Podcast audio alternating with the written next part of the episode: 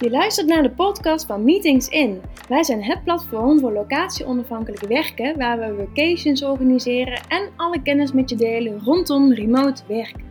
Zo delen we kennis en inspiratie met iedereen die stappen wil zetten naar een vrijer leven.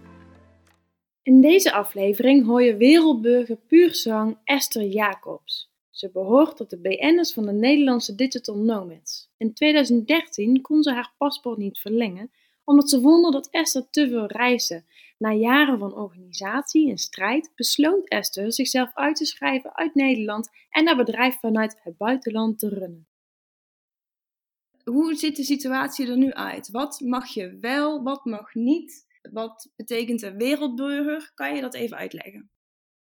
Nou, er zijn eigenlijk geen definities van wereldburger of digital nomad. Het is wat je er zelf van maakt. Um, sommige mensen noemen zich digital nomad, terwijl ze eigenlijk gewoon backpackers met een laptop zijn. Hè? We, zijn allemaal uh, wel een keer een jaar of, of een paar maanden op reis geweest. En dan probeer je zo lang mogelijk weg te blijven totdat je geld op is. En tegenwoordig als je een laptop hebt en je kan een beetje blog schrijven of zo, dan kan je dat nog wel een beetje eh, rekken. Maar veel van dit soort backpackers zijn eigenlijk wel van plan om weer terug te keren naar Nederland en daar zeg maar te settelen en een gewone baan te nemen. En voor mij zijn dat niet echt digital nomads. Dat zijn gewoon mensen die ja, lekker op reis zijn, wat hartstikke leuk is. Uh, en um, er is een andere groep, dat zijn de locatie-onafhankelijke ondernemers. Dat zijn dus echt ondernemers die dus op verschillende plekken werken. Niet altijd even succesvol, sommigen zijn nog aan het opstarten. Uh, maar dat zijn echt locatie-onafhankelijke ondernemers die als doel hebben om hier hun levensstijl van te maken of dat al gemaakt hebben. En dan heb je de succesvolle locatie-onafhankelijke ondernemers die dit al jarenlang doen. En alles bij elkaar wordt vaak digital nomads genoemd. Maar ik denk dat je voor jezelf het onderscheid moet maken van hoor ik in de ene groep, hoor ik in de andere. Wil ik het tijdelijk doen? Wil ik hier echt mijn levensstijl van maken of doe ik dit al jaren? En wereldburger heeft meer te maken met je, met je mindset, vind ik. Je kunt in Nederland wonen en een vaste baan hebben, maar de mindset van een wereldburger hebben dat je dingen vanuit een groter perspectief bekijkt, dat je uh, over globale dingen nadenkt, dat je niet uh, in, een, in een hokje zit. Maar je kan ook de wereld over reizen en nog steeds een hele bekrompen mindset hebben. Dat je alleen maar vanuit je eigen cultuur denkt en dat je uh, niet integreert met lokale bevolking, noem maar op. Dus ik vind wereldburger heeft niet zozeer te maken met um, waar je bent en hoe je leven eruit ziet, maar meer met de mindset. En digital nomad of locatie-onafhankelijke ondernemer heeft echt te maken met je levensstijl en waar je dat doet en, en hoe lang je van plan bent dat te doen. Uh, je hebt wel een paspoort, een Nederlands paspoort? Ja, ik heb gelukkig een Nederlands paspoort. Wat, uh, uh, ja, denk ik, een van de beste paspoorten van de wereld is. Dus heel blij mee. Um, in deze tijden van corona is het natuurlijk even een iets minder goed paspoort om te hebben. Ehm, dat merkte ik ook toen ik Amerika probeerde in te komen. Ik ben nu in uh, Miami om voor mijn vader te zorgen die Alzheimer heeft. En uh, ik was de enige niet-Amerikaan in het vliegtuig. Dus het was heel ingewikkeld om hier binnen te komen. Maar het is toch gelukt. Maar dat Nederlandse paspoort had ik bijna niet gehad. Want ze wilden dat niet verlengen, omdat de gemeente Amstelveen, waar ik al 16 jaar woonde en een eigen koophuis had, um, vond dat ik uh, te veel reisde en dat ik dus niet meer daar woonde, technisch gezien. En uh, nou, er volgde een heel gedoe en uiteindelijk um, ben ik ook uitgeschreven, maar ik had toch een paspoort nodig. Dus toen heb ik mijn paspoort uh, gelukkig kunnen verlengen met heel veel kunst en vliegwerk. En dat kan dus bij een loket in Den Haag voor dak- en thuislozen. Um, dan moet je zes weken wachten op de processen ervan en allerlei gegevens aanleveren. Ik heb ondertussen ook geleerd dat dat kan via het loket van de gemeente Haarlemmermeer op Schiphol. Maar dan moet je ook aan allerlei regels voldoen. Dan moet je van de afgelopen zes maanden aantonen dat je dus niet echt ergens woont. Dus dat moet met hotelbonnen, Airbnb, uh, uh, Uber, telefoonrekeningen, noem maar op. En het erge is, je moet dus van zes maanden lang die gegevens bij je hebben. En dat mag alleen de originele zijn. Dus je moet het op papier meenemen. Dat mag niet digitaal zijn. Dus dan verwachten ze eigenlijk dat je van zes maanden gewoon met een stapel papier rondreist. Terwijl ik zelf alleen met handbagage reis. En zo'n stapel papier kan dan best wel heel groot zijn. En je kan niet altijd printen. En het is gewoon niet meer van deze tijd. Eh, en als er dan iets ontbreekt en je moet dat opzoeken en je komt weer terug, dan zeggen ze ja, nee, nu is het alweer ouder dan zes maanden, dus dan moet je weer overnieuw beginnen. Dus het is echt een heel gedoe. Maar ik heb een aantal consulaten gesproken en veel Nederlandse consulaten zeggen ook: uh, oh, maar bij ons in het buitenland kan je heel makkelijk je paspoort verlengen. Dus dat is ook nog het proberen waard. Ja, en rondom dat paspoort is dus nogal wat te doen geweest, of in ieder geval je burgerschap in Nederland. Um, ik heb je verhaal gelezen, je boek. Was het bij jou ook een deels rebelsheid en de wil om te pioneren, of was het meer de drang naar vrijheid? Nou, het is heel grappig, want ik heb natuurlijk met mijn levensstijl, met heel veel reizen en nooit lang op een plek zijn, wel eerder nagedacht van moet ik me niet uitschrijven en moet ik niet weg uit Nederland. Want ik pas niet in een hokje, maar ik moet natuurlijk wel aan alle regels voldoen en administratie en belasting betalen en registratie en dat soort dingen.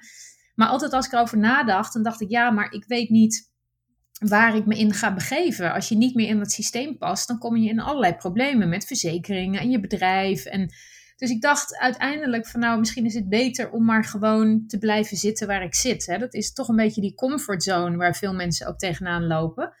En ehm, dat heb ik eigenlijk gedaan tot het moment dat ik tegen die muur aanbotste. Dat mensen mij niet meer wilden registreren en zeiden: Je woont hier niet meer. En gek genoeg heb ik toen toch nog een hele tijd geprobeerd om terug te komen in het systeem. Ik wil weer dat alles wordt zoals het was. En dat lukte niet. En toen op een bepaald moment is het knopje omgegaan. En heb ik gedacht van nou, dan stap ik er ook helemaal uit. En dan wil ik ook geen gedoe meer over belasting betalen of verplichtingen. Als ik ook geen, geen recht meer heb op de rechten die aan uh, het ingezetenschap vastzitten. Ik heb geprobeerd zelfs via kamervragen en zo om, om een uitzondering te krijgen. Omdat ik niet op een andere plek woon. Maar daar stond men niet voor open. En uh, ik heb geprobeerd alles zo transparant mogelijk te doen. Ik ben natuurlijk wel een beetje een rebel. Maar ik dacht van nou, als jullie zeggen dat ik niet meer in Nederland mag inschrijven, zeg dan maar wat ik wel moet of kan. En daar had niemand een antwoord op. Iedereen zei alleen wat allemaal niet kon, maar ze zeiden niet wat ik dan wel zou moeten. En ik dacht, als ik nou toch al zo in de schijnwerper sta, dan ga ik ook dit heel transparant spelen en niet me stiekem ergens anders inschrijven, wat ik best had kunnen doen in een andere gemeente. Er waren zelfs burgemeesters die dat aanboden. Maar ik dacht, nee, nou wil ik ook weten hoe het zit. Als jullie zeggen van als je minder dan vier maanden per jaar op een plek overnacht, dan mag je je niet inschrijven. Wat moet ik dan? Want overal is een inschrijving verplicht. Als je reist, dan moet je op het vliegveld moet je zo'n immigratieformulier invullen met je permanent residence address. Je moet altijd, altijd je permanent residence address invullen. Soms wel een aantal keer per dag. En dat kon ik dus ineens niet meer. Dus ik dacht, ga ik nou zeg maar onder de radar leven en wel zorgen dat alles weer makkelijk wordt? Of ga ik dit oppakken en gewoon als een soort pionier laten zien dat er steeds meer mensen uh, met dit probleem geconfronteerd worden, met een andere levensstijl die in deze tijd helemaal past en kan, maar ieder contact met het systeem waar je tegenaan loopt wordt moeilijk. En ik heb gekozen voor dat laatste, om dat gewoon open te spelen. Ook het gesprek aan te gaan met het ministerie, met de gemeente, met allerlei instellingen. En uh, op die manier mensen te helpen die dat niet kunnen of durven, die eigenlijk onder de radar zitten en zich inschrijven bij familie en vrienden om toch maar verzekerd te kunnen zijn en toch maar uh, hun leven te kunnen leiden. En dat zou eigenlijk niet moeten hoeven in deze tijd. Het zou heel makkelijk zijn om mensen die uh, over de hele wereld zwerven, zich toch Nederlander voelen en ook best belasting willen betalen, om die gewoon binnen het systeem zich in te kunnen laten schrijven, dat je ook je rechten houdt. Ja, en daarin heb je volgens mij ook best wel wat gerebelleerd. Um, is het voor een digital nomad of een wereldburger ook belangrijk, denk je, om een beetje tegendraads um, te zijn? Nou, ik merk eigenlijk met alles dat sowieso als ondernemer ben je al uh, meer zelfbewust en neem je zelf verantwoordelijkheid en zelfcontrole over je leven dan iemand die in loondienst is. En als je dan ook nog locatie onafhankelijk bent, dan ben je weer minder afhankelijk van een land en zijn wetten en de gewoonten. Dus ik merk mensen die net zo leven als ik, dus eigenlijk locatie onafhankelijke ondernemers, dat het eigenlijk een beetje vrijdenkende geesten zijn, die best ook wel succesvol zijn in de dingen die ze doen. En waarom zou je dan door een ambtenaar die zeg maar in een hokje zit en nooit verder kijkt dan zijn, hè, dan zijn hokje groot is, zou je door zo iemand jouw leven moeten laten bepalen. Ik denk juist dat mensen zoals wij heel goed uh, ook advies kunnen geven aan overheden, aan mensen die systemen bouwen. Omdat wij veel beter idee hebben van wat er in de wereld speelt en wat er nu speelt, anno 2020, qua technische mogelijkheden, qua voorbeelden uit andere landen. En ik wil dat niet direct rebels noemen, maar ik denk wel dat ik heel onafhankelijk denk en dat ik op andere manieren denk met andere voorbeelden en dat ik heel erg in oplossingen denk en niet in problemen. En dat zie je vaak binnen systemen. Ja, en ik hoor daarin ook heel erg een gevoel als je het hebt over locatie-onafhankelijke ondernemers. Dat klinkt meteen bijna een, een groepsgevoel eh, naar boven. Ja. En hoe voel je ook die verbinding met die groep Digital Nomads? Nou, wat ik al zei, de groep Digital Nomads is heel groot en heel divers. Maar er is een klein groepje met succesvolle locatie-onafhankelijke ondernemers. Uh, ongeveer 1500 mensen over de hele wereld die elkaar opzoeken. Uh, dat heet de Dynamite Circle. En er zijn conferenties van en er is een forum en allerlei contacten. En dat heb ik eigenlijk pas een paar jaar geleden ontdekt. En dat was voor mij een eye-opener. Dat je met gelijkgestemde mensen um, in contact kan komen. Dus mensen die ook allemaal hebben besloten om hun eigen leven te leiden op een plek die voor hun uitkomt, op een manier die zij fijn vinden. En we doen wel allemaal hele andere dingen, maar een heleboel fundamentele keuzes hebben we gemeen. En dat maakt het heel fijn om met dat soort mensen in contact te zijn. En volgens mij is een van die keuzes, uh, of de keuze die ze gemaakt hebben om locatie onafhankelijk te gaan ondernemen, is ontstaan uit een drang naar vrijheid. Um, waarom is vrijheid voor jou zo belangrijk? Ja, vrijheid staat eigenlijk aan de basis van alles wat ik doe. Uh, in mijn persoonlijke leven, relaties, werk, noem maar op. En ik denk als je eenmaal dat gewend bent, dat je niet meer in een hokje hoeft te denken, dat je niet meer aan regels hoeft te houden, dat je niet meer door anderen laat vertellen wat grenzen zijn, wat wel en niet mag, dan, um, dan geeft dat een gevoel van vrijheid en tegelijkertijd een gevoel van controle. Dus ik vertrouw helemaal op mezelf. Ik heb ook heel veel geïnvesteerd in mezelf. Ik ben duizend keer op mijn bek gegaan, uh, maar ik weet heel goed waar ik goed in ben en waar ik niet goed in ben. Ik weet wanneer ik om hulp moet vragen. Ik weet wanneer ik hulp kan bieden.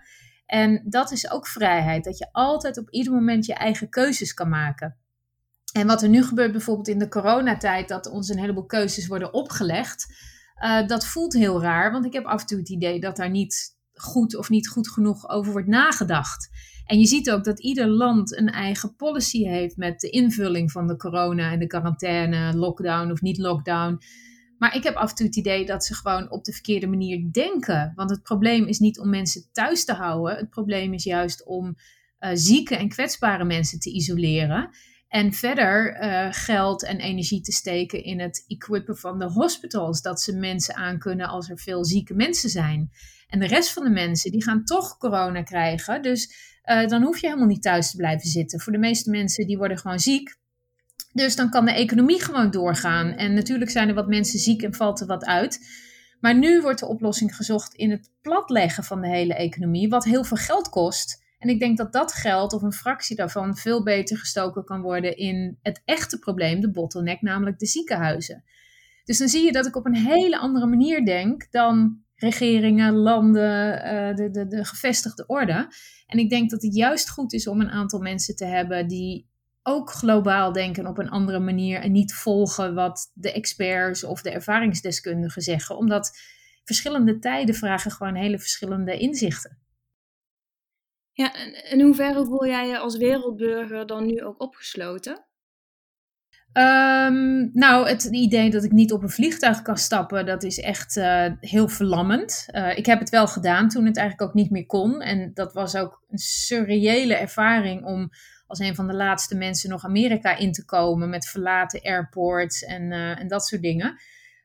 maar het idee dat ik nu niet weg kan, niet zozeer omdat ik niet naar Nederland terug zou kunnen vliegen als ik dat zou willen, maar omdat er geen nieuwe caretaker voor mijn vader kan invliegen in Miami. Dus ik zit op een andere manier gevangen. Niet omdat ik niet in een vliegtuig durf te stappen of ergens heen zou kunnen of willen gaan. Maar omdat er gewoon geen um, caretaker voor mijn vader hier is. Dus ja, ik voel me echt wel een beetje opgesloten. En ik probeer er natuurlijk het beste van te maken. En het is op zich ook wel heel interessant om een tijd op één plek te zijn. Maar uh, ja, als, als omstandigheden niet te beïnvloeden zijn of dingen liggen niet in je eigen hand, dan moet je eigenlijk concentreren op dingen die je wel kan beïnvloeden in plaats van je stuk te staren op uh, dingen waar je geen invloed op hebt. Ja, een positieve mindset daarin is dus wel belangrijk. Ja, dat is het enige wat je kan doen namelijk. Je kan je als slachtoffer gaan gedragen en energie steken in redenen en excuses waarom dingen niet kunnen.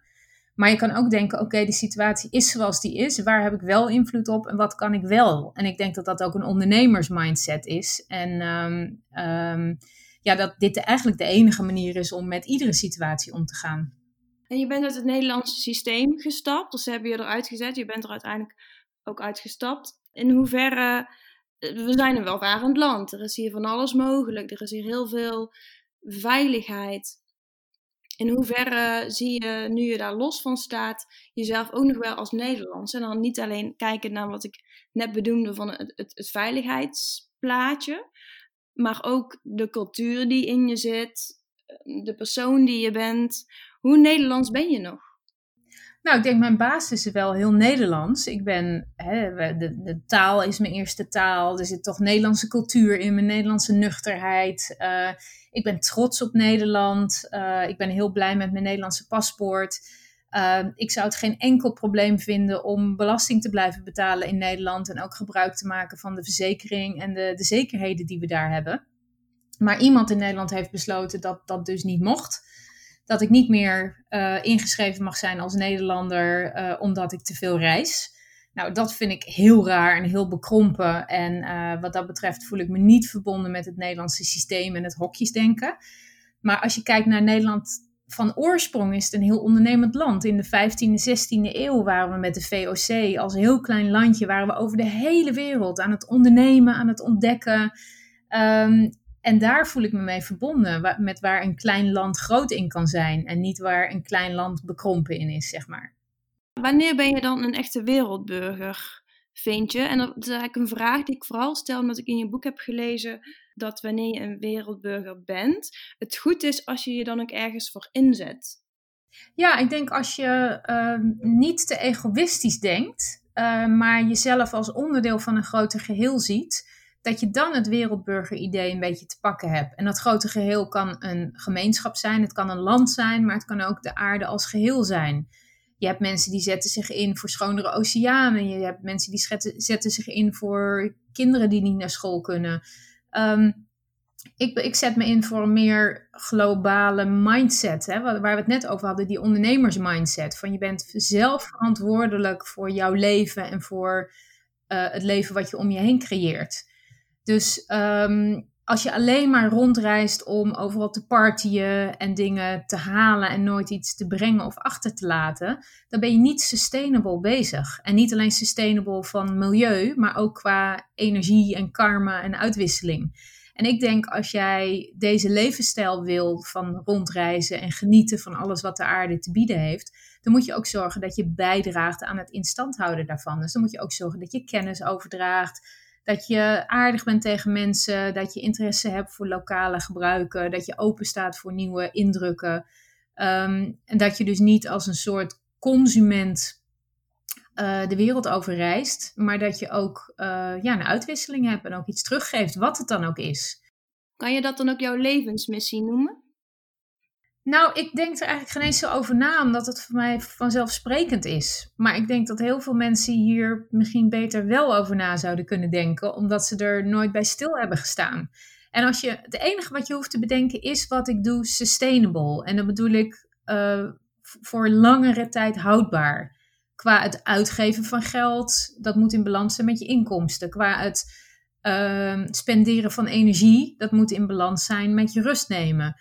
Uh, het, het nemen en krijgen van mensen om je heen moet in het balans staan met het teruggeven. En zo geldt het eigenlijk voor alles. Dus uh, ik denk, ja, als je het zo bekijkt, energiemanagement is altijd wel mijn interesse geweest. En of dat nou gaat om events of persoonlijke energie of persoonlijke groei of interactie tussen mensen of reizen. Uh, ja, ik denk dat energiemanagement uh, komt er eigenlijk op neer dat alles in balans moet zijn.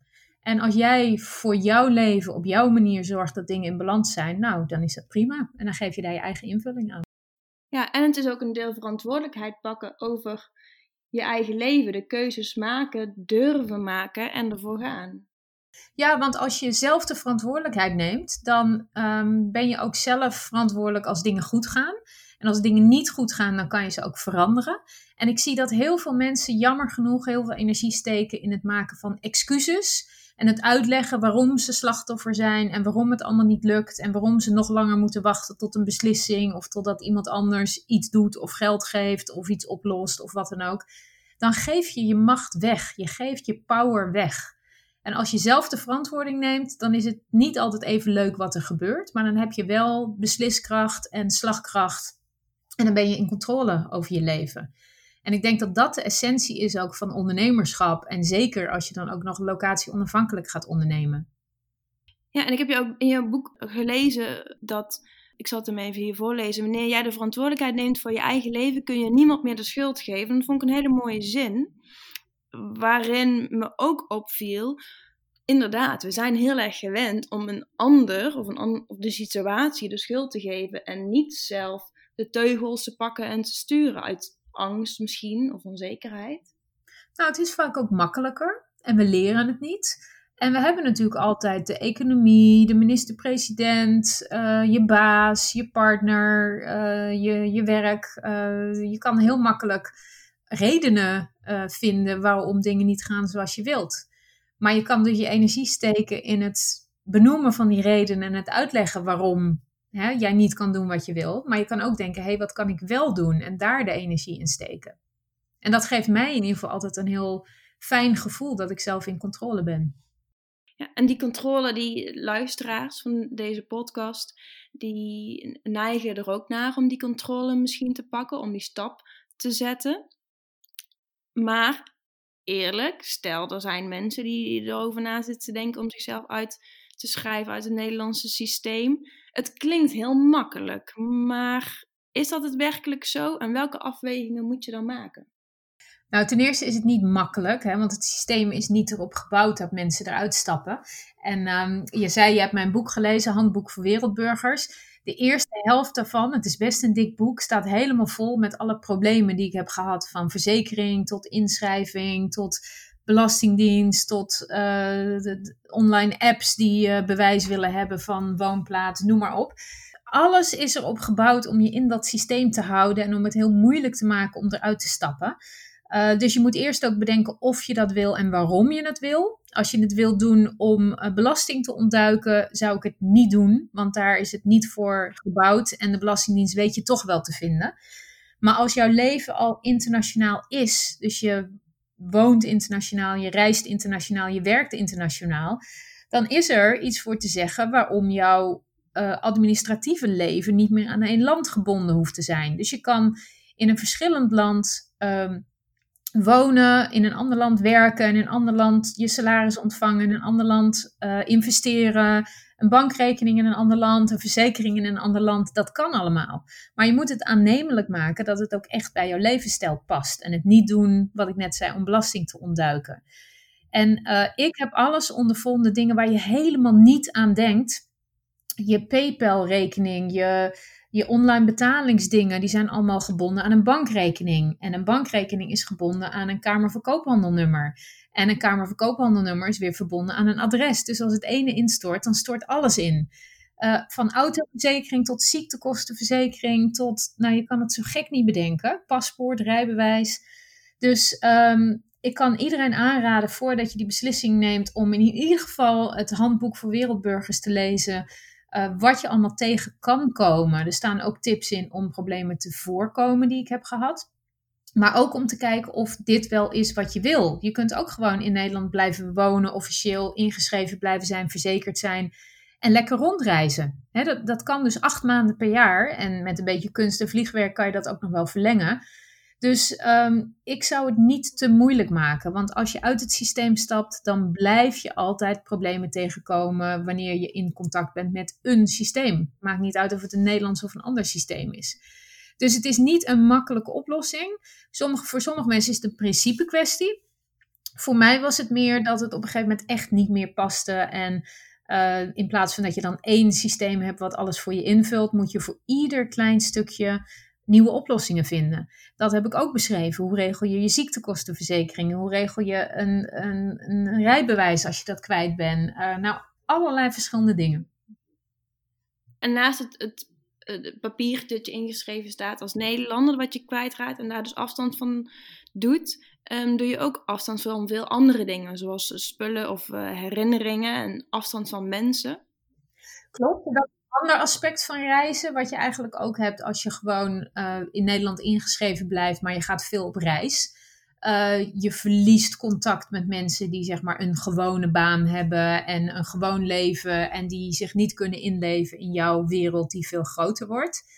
Uh, op reis gaan met heel veel spullen is niet handig, dus je neemt weinig mee. Dan is de vraag, de spullen die je achterlaat, ga je die opslaan en daar veel geld voor betalen? Of denk je van, hé, hey, ik kan net zo goed die spullen weggeven, verkopen, um, zodat ik minder ballast heb. Want dingen die je achterlaat, die kosten ook geld en mindspace.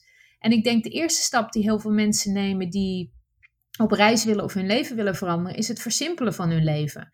Het ontspullen, het versimpelen van, van uitgaven, uh, het, het versimpelen van, uh, weet je wel, alles online maken. Dat je geen papier meer hebt van verzekeringen en, en uh, herinneringen, maar dat je alles digitaal maakt. Zodat je altijd overal toegang hebt. Dat je altijd overal toegang hebt tot foto's, verzekeringspapieren, oude liefdesbrieven, notitieboekjes, noem maar op. En dat zijn eigenlijk winst zijn, waar je alleen maar rijker van wordt, terwijl je dus minder spullen hebt. En in hoeverre is dat dan ook een emotioneel proces waar je doorheen moet, of is dat heel makkelijk voor jou geweest? Nee, het is echt een emotioneel proces. En um, ik kan mensen ook aanraden dat niet in één keer te doen. Ik heb in, um, in het boek heb ik ook een aantal stappen en tips beschreven. Uh, bijvoorbeeld, uh, ik had een heleboel Lonely Planets. Nou, sowieso boeken zijn moeilijk om weg te doen. En je eerste ronde, dan doe je weg wat je eigenlijk toch niet leest. Maar dan blijven er nog boeken achter. En dan ga je er nog een paar keer doorheen. En iedere keer kom je tot de conclusie van... hé, hey, ik kan dit ook wel loslaten nu. Heel veel boeken zijn digitaal uh, te vinden. Die Lonely Planets die ik allemaal wilde bewaren... die, ja, dan denk je, ik ga ooit nog een keer terug... maar al die hostels bestaan toch niet meer. En um, weet je, wat zijn leuke herinneringen. Maar als je daarvoor een paar honderd euro per maand moet betalen om je boeken in een opslag te stoppen, dan denk je van ja, wanneer gebruik ik ze nou eigenlijk? Wanneer heb ik ze nodig? Kan je ze beter weggeven aan iemand uh, dan uh, zelf die ballast met je meedragen? Want hoeveel spullen bezit jij nu op dit moment? Nou, ik heb, laatst ben ik uh, verhuisd en toen had ik geloof ik vier dozen met spullen. Vier dozen en een koffer. En als je niet oppast, dan, dan bouwt dat zich weer heel snel op. Uh, dus uh, ja, als je iets nieuws koopt, dan, dan doe je ook weer wat anders weg. Ik vind het heerlijk om zo licht te zijn. Vier dozen, dan hebben we het over die standaard formaat verhuisdozen. Ja, klopt. Ik heb zeg maar één, of nou laten we zeggen, één anderhalve koffer vol met kleren. En dan heb ik natuurlijk wat kantoordingen, computerdingen en wat kunst die ik wil bewaren. En um, nou, dan wat losse dingen, zeg maar. Maar ik heb bijna geen. Ja, weet je, je hebt altijd wat schoenen, sportspullen, um, dat soort dingen. Maar verder uh, bijna niks. En dat voelt heerlijk. En nu ben ik dus in Miami gestrand met mijn handbagage voor de komende twee, drie, vier maanden. Nou, dan draag ik wat vaker hetzelfde. Uh, ja, maar ik kan prima leven. En de wereldburgers die jij nou tegenkomt, de, mensen die je al jaren kent wellicht, Um, en een nieuwe generatie, nieuwe aanwas wereldburgers, wat wellicht eraan, eraan aan het komen is, omdat de trend toch steeds groter wordt, bekender, algemener. Zie jij een generatieverschil tussen de ouderen en de nieuweren? Ja, um, de oudere generatie, dat zijn vaak ondernemers die wat meer levenservaring en werkervaring hebben en ondernemerservaring. En die kunnen die werkervaring en levenservaring in hun business uh, en hun reisgedrag um, opnemen. De jongere mensen die ik tegenkom in het buitenland, die hebben vaak nog geen eens werkervaring. Die kennen zichzelf nog niet goed genoeg. Uh, die hebben geen ondernemerservaring en die willen alles in één keer doen. Die gaan dus, die laten de locatie los, die laten de vastigheid los, die beginnen als ondernemer en die zijn zichzelf aan het ontdekken. En dan willen ze ook nog party en andere mensen ontmoeten. En meestal is dat gewoon te veel. Ik denk dat je beter stap voor stap zekerheden kan loslaten en nieuwe dingen kan ontdekken dan in één keer alles te willen. En die jonge mensen willen dan ook nog allemaal ineens heel veel geld verdienen, terwijl ze misschien nog niet hun eigen toegevoegde waarde goed kennen. Dus ik denk dat er toch wel wat in zit om het stapje voor stapje te doen. En in ieder stapje jezelf beter te leren kennen en je toegevoegde waarde te leren kennen, zodat je daarmee ook je online business kan opbouwen. Ja, want wat is daarin denk je de grootste uitdaging voor nieuwe locatie-onafhankelijke ondernemers? Nou, ik merk dat de grootste uitdaging is voor iedereen, nieuw of niet nieuw, locatie onafhankelijk of niet, voor iedereen die ondernemer wil worden, is je eigen toegevoegde waarde leren kennen en benoemen. we willen allemaal veel geld verdienen en, een, uh, en veel bezoekers op je website, noem maar op. Maar als je niks te bieden hebt, of je omschrijft niet duidelijk wat je te bieden hebt, of je omschrijft wat andere mensen ook al doen, dan ga je niet veel uh, klanten krijgen. Dus je moet eigenlijk iets vinden waar jij uniek in bent. En heel veel mensen zijn ergens uniek in. Die zijn ergens heel goed in. Iedereen is eigenlijk ergens heel goed in. Maar weinig mensen weten dat van zichzelf. Want als je ergens heel goed in bent, dan voelt dat als heel vanzelfsprekend. Dan denk je, ja, maar dit is toch niet mijn toegevoegde waarde. En dan denken ze dat ze eerst nog cursussen moeten doen of certificaten krijgen of bij een of andere guru een programma volgen iedereen die nu luistert, die heeft iets of die kan iets waar andere mensen blij mee zijn. En zonder dat je het door hebt, komen mensen in jouw omgeving al bij jou vragen: wil je hier even naar kijken? Wil je dat even doen? Jij weet altijd een oplossing voor dit. Jij kan zo goed luisteren. Jij weet de leukste receptjes of restaurants of uh, apps of games of noem maar op. Dus begin daar eens op te letten. Wat is waar andere mensen bij jou om advies komen. En dat is misschien wel de toegevoegde waarde waar je je business van kan maken. Ook al voelt dat heel raar, omdat het voor jou heel makkelijk en vanzelfsprekend is. Ja, dus een mooie doordenken voor de luisteraars inderdaad. Van waar word je op benaderd? Wat vinden mensen, waarin ben jij bij andere mensen top of mind? Klopt. En wat zijn de meest gestelde vragen die je krijgt? Hè? Als je een bepaald beroep hebt of een bepaalde hobby of een bepaalde uitstraling, dan krijg je altijd dezelfde vragen. Nou, dat zijn de vragen waar jouw klanten mee zitten. En die antwoorden, dat is misschien wel jouw businessmodel. En naast dat je goed moet weten eh, wat voor ondernemer je wilt zijn, is het ook belangrijk om misschien een paar karaktereigenschappen te hebben die typisch zijn voor een locatie-onafhankelijk ondernemer. Zijn er een paar belangrijke te noemen?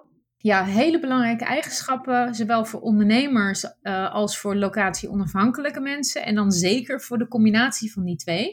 Is ten eerste is uh, jezelf heel goed kennen. je moet weten, ben je een ochtendwerker, ben je een avondwerker, ben je een deadline iemand, ben je iemand die gestructureerd werkt. En op die manier kan je werk indelen. Focus is een hele belangrijke. Er is namelijk altijd afleiding. Er zijn altijd mensen om je heen die iets leuks willen doen. Uh, er zijn altijd dingen die bezichtigd moeten worden. Er zijn altijd, als je in een nieuwe plek bent, heel veel dingen die je trekken, uh, die je aandacht trekken. Maar je moet kunnen focussen om je werk te kunnen doen. En misschien werk je maar drie uur per dag, s ochtends vroeg of s avonds laat. Maar dan moet je weten welke uren dat zijn en hoe je die kan pakken. En dan kan je de rest van de dag leuke dingen doen. Of je zegt, ik sluit mijn week op en ik maak dit project af en dan ga ik een week leuke dingen doen. Je moet die focus hebben als ondernemer en helemaal als locatie-onafhankelijk ondernemer. Je moet uh, zichtbaar zijn. Zichtbaarheid is natuurlijk nog belangrijker als je niet op één plek woont en werkt. Dan moet je online zichtbaar zijn. En dat moet op een hele natuurlijke manier. Dus je moet echt personal branding doen, jezelf laten zien, toegevoegde waarde bieden en niet uh, te verkoperig overkomen. Daar zit niemand op te wachten. En jij was denk ik ook echt een doorzetter. Is dat belangrijk om een doorzetter te zijn? Ja, ook een hele goede. Je moet flexibel zijn. Je moet je aan kunnen passen aan iedere omstandigheid. Want niks gaat zoals je wil. Er zijn altijd verrassingen, positieve of negatieve. En je moet doorzetten, want je gaat tegenslagen tegenkomen. En uh, dat is nog iets wat veel mensen opvalt aan de nieuwe generatie. Dat heel veel jongere mensen tegenwoordig zoiets hebben van: oh ja, ik heb het al geprobeerd, maar dat lukte niet, omdat het niet makkelijk was. Maar als je bedenkt als iets niet makkelijk is en je gaat toch door en je komt nog meer tegenslagen tegen en je gaat toch door, dat heel veel andere mensen ondertussen zijn afgevallen en dat jij een van de laatste bent die overblijft en die dus wel dat doel bereikt of zichtbaar is of een oplossing vindt. Dus doorzettingsvermogen is een hele belangrijke en dat is een beetje in conflict met een andere en dat is weten wanneer je moet stoppen. Soms kan je doorzetter zijn en door blijven pakken en door blijven bijten. Maar is het eigenlijk beter om met dat project te stoppen, omdat er geen toekomst in zit? En daar kan ik als voorbeeld mee geven als je bijvoorbeeld in de papieren krantenindustrie zit. je kan denken, nee, we gaan door, we pakken door, er komt wel weer een betere tijd. Maar we weten eigenlijk allemaal dat de papieren krantenindustrie een beetje aan het, uh, aan het afnemen is en dat het op een gegeven moment stopt. Dus aan de ene kant moet je doorzetter zijn, aan de andere kant moet je weten wanneer je moet stoppen. En dat is een hele moeilijke balans en daarvoor helpt het weer om jezelf goed te kennen. Is het angst wat ik voel of is het intuïtie die zegt stoppen? En als het angst is, kan je daar doorheen gaan, want voorbij de angst zitten vaak nieuwe ervaringen. Maar als je intuïtie zegt, dit is beter om het niet te doen, dan is het heel goed om daarnaar te luisteren en een andere manier, een andere weg te vinden. Dat soort dingen leer je door het heel vaak te proberen en heel vaak op je bek te gaan. En dan leer je die twee stemmetjes van elkaar te onderscheiden. En dan over stoppen gesproken. Jij bent nu jaren aan het rondreizen over heel de wereld. Je bent nu 50. Ga je dadelijk van wereldburger naar wereldoma? Of hoe zie je jezelf dadelijk? Ja, het is grappig dat nog steeds heel veel mensen vragen van wanneer ga je nou settelen of ga je je ooit settelen of als je straks oud bent ga je settelen. Ik ben dat helemaal niet van plan omdat dit mijn levensstijl is en als ik langer op één plek wil blijven dan doe ik dat wel. Ehm, en die behoefte heb ik nog helemaal niet. Maar als ik die behoefte wel krijg, kan ik dat natuurlijk doen zonder dat ik meteen me ga settelen en een leven ga leiden zoals andere mensen van mijn leeftijd dat misschien doen. Dus ik blijf gewoon van moment tot moment kijken waar heb ik behoefte aan, waar heb ik zin in, wat zijn de mogelijkheden. En uh, die vrijheid blijf ik altijd houden in mijn hoofd. Ook al ben ik straks misschien niet meer zo goed te been en uh, kan ik niet zo snel meer reizen als ik uh, gewend ben. Maar ik voel me op heel veel verschillende plekken in de wereld thuis en ik heb overal vrienden. Dus ik, ik voel me ook op verschillende plekken thuis. Dus ik zal nooit op één plek blijven. Ik zal altijd blijven reizen tussen de plekken waar ik me thuis voel.